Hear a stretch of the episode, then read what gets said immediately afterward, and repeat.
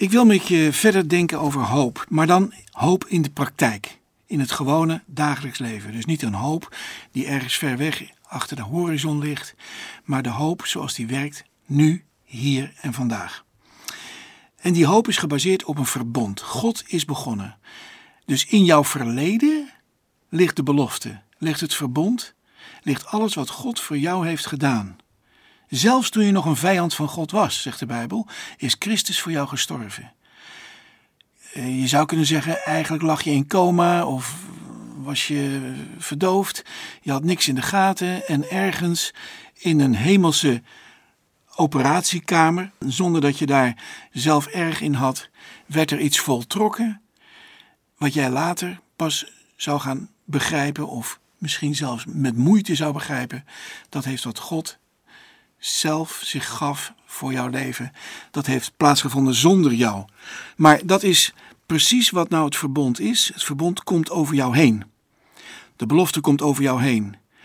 Er is niet een soort verlanglijstje waar, God Abraham om vraagt. Er is geen uh, soort uh, checklist van uh, kijken wat je allemaal zou mogen hebben in het leven. Absoluut niet. God doet eenzijdig een stap naar jou toe. En dat is de vervulling van de hoop voor jou vandaag. Nou, nou is er in iedere keer toch weer in het leven een soort examen gaande. Dat is in hoeverre kan ik nou vertrouwen op dat verbond, op die belofte. Nou, een uh, voorbeeld is in Genesis 16, waar iets staat over dat vertrouwen op dat verbond en die belofte. Er staat dan maar Sarai, dat is de vrouw van Abram. Sarai betekent trouwens ruziemaakster, dus het was een bepaald type, nou, dat kun je een beetje voorstellen. En Abram heet eigenlijk de geëerde heer, betekent dat woord. Maar Sarai kreeg geen kinderen. En ze had een Egyptische slavin die Hagar heette. Sarai zei tegen Abram: Zoals je ziet, geeft de Heer mij geen kinderen. Trouw maar met mijn slavin Hagar.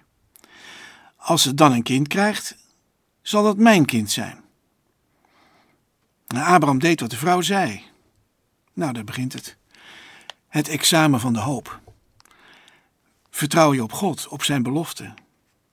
Dat hij jou beloofd heeft dat je uit jouw huwelijk, uit jouw relatie, uit jouw eigen leven een kind zal geven, zoals hij beloofd heeft. En als dat dan uitblijft, nou dat is wel heel lang uitgebleven, want Abraham was oud, bijna 100. Sarah was 90. Dus ja, dat zat er niet meer in. Dan gaan ze het fixen. Nou, ik wil er eigenlijk geen oordeel over uitspreken. Want ik kan me dit zo goed voorstellen. Het is niet mogelijk. Ik heb jaren in Afrika gewerkt. In Afrika is nog steeds, en in heel veel delen van de wereld, is onvruchtbaarheid een vloek. Het is niet zomaar erg, maar het is een vloek. En een vloek is een schande. En een vloek vraagt om isolement, dat je weggestoten wordt, dus verstoting. Vloek, schande, verstoting. Niet vervuld leven. En sterker nog, in de Afrikaanse cultuur is iemand die geen kind krijgt, een vrouw zonder kind, is nog niet eens een mens. Die wordt nog, ja, erger kan het bijna niet, die wordt nog met hetzelfde lidwoord en hetzelfde soortwoord aangesproken als een dier. Dus de dieren, de kinderen en de vrouwen. Dat zijn de onvolwassenen, dat zijn de nog niet mensen. En je wordt pas mens als je moeder bent. Nou, zo leeft het nog steeds op het Afrikaanse platteland sowieso. Maar zo leefde het zeker in de tijd van Abraham en Sari. En dat betekent heel erg veel. Kinderloosheid is ook geen naam hebben in de toekomst. Je zou kunnen zeggen, niet meer herdacht worden. Uit het leven en uit de hoofden van de mensen verdwenen zijn. Het heeft iets te maken zelfs met niet meer voortleven na de dood. Dus ernstig, zeer ernstig. En dan is de oplossing, en het gebeurt vaak in Afrika nog steeds, dat je dus een tweede vrouw neemt. Maar dat doe jij niet, die doet die vrouw zelf. Die vrouw neemt een tweede vrouw, zodat die tweede vrouw een kind kan krijgen. En dat noemen ze dan hun kind. En dan kan die eerste vrouw blijven. Als ze dat niet zou doen, dan zou ze zelfs weggestuurd kunnen worden. Onder druk van de familie. Dus hier is ongelooflijk veel aan de hand en daar kunnen we niet lichtzinnig over spreken. Maar wat in dit verband over het vertrouwen op het verbond en het vertrouwen op de belofte, wat hoop geeft voor de toekomst, ja, hier is het examen dus hoop en vertrouwen op, de, op God. Daar gaat Abraham ergens door de knieën. En hij zegt: Abraham deed wat zijn vrouw zei. Zo gaf Sarai, de vrouw van Abraham, haar Egyptische slavin Hagar aan Abraham als bijvrouw. En op dat moment, nou we kennen de geschiedenis, dan ontstaat er een rivaliteit tussen die vrouwen.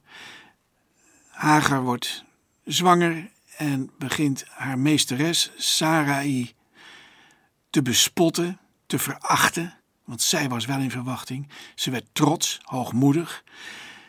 Sarai stuurt Hagar weg, althans dat vraagt ze aan Abraham en het gebeurt. Hagar komt terecht in de woestijn en ja, dan krijgt ze toch weer een belofte van God. Ja, want God laat ook Hagar absoluut niet in de steek. Dan zegt God: Je bent in verwachting en je zal een zoon krijgen. Je moet hem Ismaël, dat betekent God hoort, noemen. Want de Heer heeft gehoord hoe verdrietig jij bent. Je zoon zal sterk zijn, maar brutaal. Hij zal met iedereen ruzie maken. Hij zal wel bij zijn familie wonen, maar hij zal zijn eigen gang gaan. Dat is de schets die God geeft over de toekomst van Ismaël. Maar Ismaël betekent God hoort. En ook al is Hagar weggezonden vanwege haar trots en haar hoogmoed, toch is God bij haar. En Hagar geeft God een naam, namelijk de God die ziet. Hij ziet mij. Ik zocht hem niet, zegt ze, maar hij zocht mij wel. Hagar heeft het verbond in de woestijn, in haar vlucht, haar weggejaagd zijn, in haar nood, God leren kennen als de God die ziet. En ze zegt: Ik zocht hem niet, maar hij zocht mij wel. Ik denk dat dat iets doet bij mijzelf. Dit is precies waar ik vaak in zit. Ik zie God niet, maar hij ziet mij wel, hij zoekt mij wel en hij zocht mij wel. En daarom noemen de mensen die bron waar dat dus plaatsvindt, Lachai Roi, bron van de levende God die mij ziet. Dat is de bron van mijn leven. We weten ook dat het met Ismaël later weer anders gaat. Als hij 13 is, dan wordt hij besneden. Uh, waardoor islamieten nog steeds vandaag de dag hun jongens op hun dertiende jaar, of in ieder geval ergens tussen hun achtste en hun dertiende jaar, laten besnijden. En dat gebeurt bij Joodse jongetjes op de achtste dag. De achtste dag worden Joodse jongetjes besneden. En het besnijdenis is eigenlijk een, een, lichamelijke, een lichamelijk teken van het verbond. De voorhuid wordt weggesneden als een teken bij alle mannen dat God een verbond gesloten heeft met Israël, met de kinderen van Abraham, het volk van Abraham. Uh, iets wat we moeilijk kunnen begrijpen, maar waar ook een wetenschappelijk interessant licht op valt, is dat op de achtste dag eigenlijk uh, de beste stollingsgraad is van bloed. Daarvoor niet en daarna niet heeft het bloed zo'n snel stollingsgehalte van trombocyten. En dat is uh, ja, een interessant gegeven dat uh, deze ingreep daardoor bij een kind van acht dagen eigenlijk het minst schade oplevert, het minste pijn ook, het minste besef natuurlijk ook. En uh, ja, dat dat besnijdenisverbond eigenlijk een, ja, een, een, een, soort merkwaardig iets is wat we heel moeilijk kunnen begrijpen, maar ook een, een uh, hygiënische maatregel is. Uh, en daardoor ook ja, niet alleen een verbondsteken is, zoals allerlei volken ook wel verbondstekenen hebben, waardoor mensen zich snijden ergens in hun wang of een tand weghalen. Ik heb allerlei vormen gezien daarvan in, het, in Afrika. maar dit is eigenlijk iets. En het andere is dat het in het intiemste deel van je leven is. Die besnijdenis is een, een, een ingreep in het intiemste deel, wat ook niet getoond mag worden. Het is een geslachtsdeel wat als het ware het meest intiem is en een edel deel, een kwetsbaar deel En in dat kwetsbare, in dat edele, in dat intieme, in datgene wat afgesloten moet worden, wat het dichtst bij jou is eigenlijk, en wat niet tentoongesteld mag worden, in dat deel grijpt God in en zegt: Kijk, daar ligt mijn verbond. In je intimiteit, daar. Ik vind dat een, een, een gedachte die, uh, ja, uh, ja, waar heel veel in zit. Maar goed, um, God belooft Abraham, nadat dit alles is gebeurd met Ismaël en met Hagar, belooft God voor de tweede keer een zoon. En ik lees uit Genesis 17, vers 15. Verder zei God tegen Abraham: Noem je vrouw voortaan niet meer Sarai, dat betekent ruziemaakster, die zal er maar mee getrouwd zijn, maar Sarah, en dat betekent prinses. Dus een ruziemaakster wordt prinses. Want, zegt God, ik zal goed voor haar zijn en ze zal de moeder worden van jouw zoon. Ik zal haar zegenen, zodat er volken uit haar zullen ontstaan. Er zullen ook koningen uit haar ontstaan. Toen boog Abraham zich diep, maar hij lachte bij zichzelf en dacht: Ik ben al honderd jaar.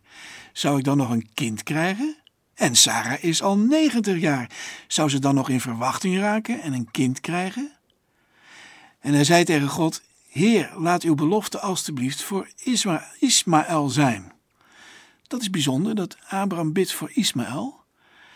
Dat hij eigenlijk niet kan geloven dat het nog plaats gaat vinden. Net zo goed als ik niet kan geloven dat ik helemaal gezond zou worden. Ik, ik loop moeilijk, ik, ik heb een enorm ziekteverleden, noem maar op, gehandicapt. Ik kan eigenlijk echt niet geloven dat er een ingreep in mij zou plaatsvinden waardoor ik weer ga sporten, waardoor ik ga joggen. Dat zit er niet meer in. En als iemand mij dat gaat vertellen, zou ik hem vierkant uitlachen. En dan van de weeromstuit zegt Abraham, geef het maar aan Ismaël. Maar God zei tegen hem, nee, je vrouw Sarah zal een zoon krijgen. En je moet hem Isaac noemen. En wat betekent dat? Gelach. Oftewel, God doet lachen. God laat lachen. Als er één samenvatting is van het begrip hoop, dan is het wel dat wij in de lach schieten op het moment dat iemand gaat verkondigen dat het vrede zal zijn in Syrië. Of dat de armoede de wereld uit is. Of dat het voorbij is met de kanker. En dat God zegt: het is klaar met alle ziekten.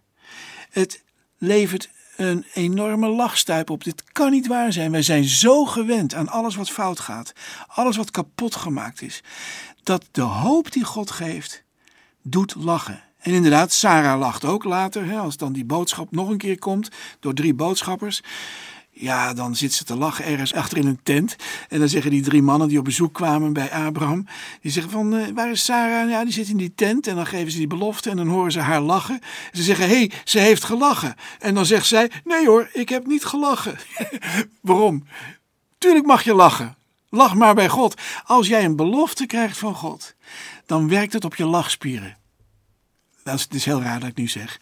Maar als God nu bij jou staat, naast jou, op dit moment, en hij legt zijn hand op jou, en hij zegt: Ik ga een nieuwe mens van je maken. Ik geef een nieuwe hemel en een nieuwe aarde waar jij zal zijn, bij mij. Ja, jij. En je mag bij mij spelen en werken en regeren met mij in een nieuwe aarde. Dan begin je toch te lachen. Dan zeg Ja, dat kan niet. Nee, dat kan ook niet. Maar dat kan wel. En dit is wat er gebeurt op dit moment. Een honderdjarige wordt vader, een negentigjarige wordt moeder. En een ruziemaakster wordt prinses.